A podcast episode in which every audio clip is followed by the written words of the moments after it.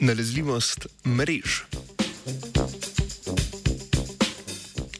Irska raziskovalna skupina je v reviji Physical Review E objavila članek odprtega dostopa, ki opisuje metodo za modeliranje kompleksne nalezljivosti na mrežah z nagnjenjem k združevanju v skupine. Zapisali so teoretični model in računalniške simulacije za intuitivno situacijo. Večji, ko je družbeni vpliv na posameznika, večja je verjetnost, da se bo prilagodil novi družbeni muhi.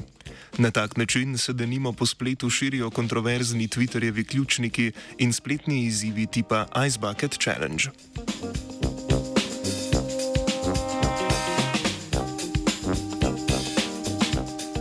Najbolj enostaven model prenosa informacije znotraj sistema imenujemo enostavna nalezljivost, pri kateri so učinki večkratne izpostavljenosti med seboj neodvisni.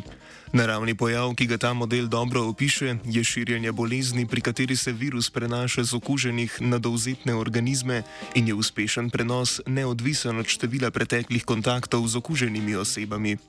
Ravno pri širjenju Twitterjevih ključnikov pa so opazili primere, ko se nekatere tematike širijo po bolj zapletenem principu.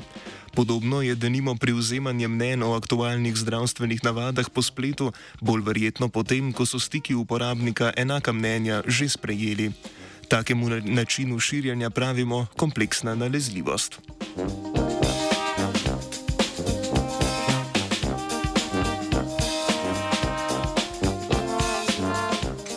V sklopu študije se je znanstvena skupina odločila za teoretični pristop, ki ga je nadgradila z računalniškimi simulacijami in primerjala z empiričnimi podatki. Za, za, za začetek je skupina uporabila teorijo večvrstnega razvejanja mreže, ki poleg procesa razvejanja povezav zajame tudi učinke združevanja vozlišč v skupine. Z večvrstnim razvejanjem populacijo spremljajo skozi njen celoten obstoj, tako da jo razdelijo v skupine po razvojnih obdobjih. Tako lahko opišajo časovno odvisne lastnosti populacije, kot denimo v primeru ekoloških sistemov, različne stopnje rodnosti različnih starostnih skupin.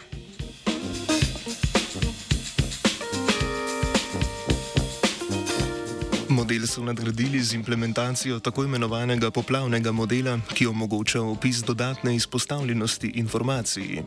Ta pristop jim je omogočil določitev parametra poplave informacij skozi sistem na podlagi števila začetnih ključnih vozlišč in njihovih položajev znotraj mreže. Tako so končno prišli do opaženega pojava. Več, ko ima posameznik prijateljev, ki so, ki so že spremenili svoje obnašanje, večja bo verjetnost, da se bo tudi sam spremenil pri naslednji izpostavljenosti.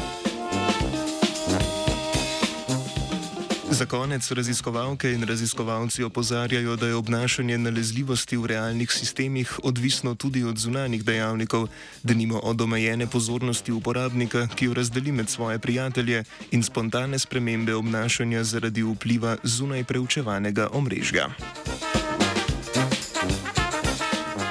Družbene povezave je klikala Tina. Poslušate Radio Student.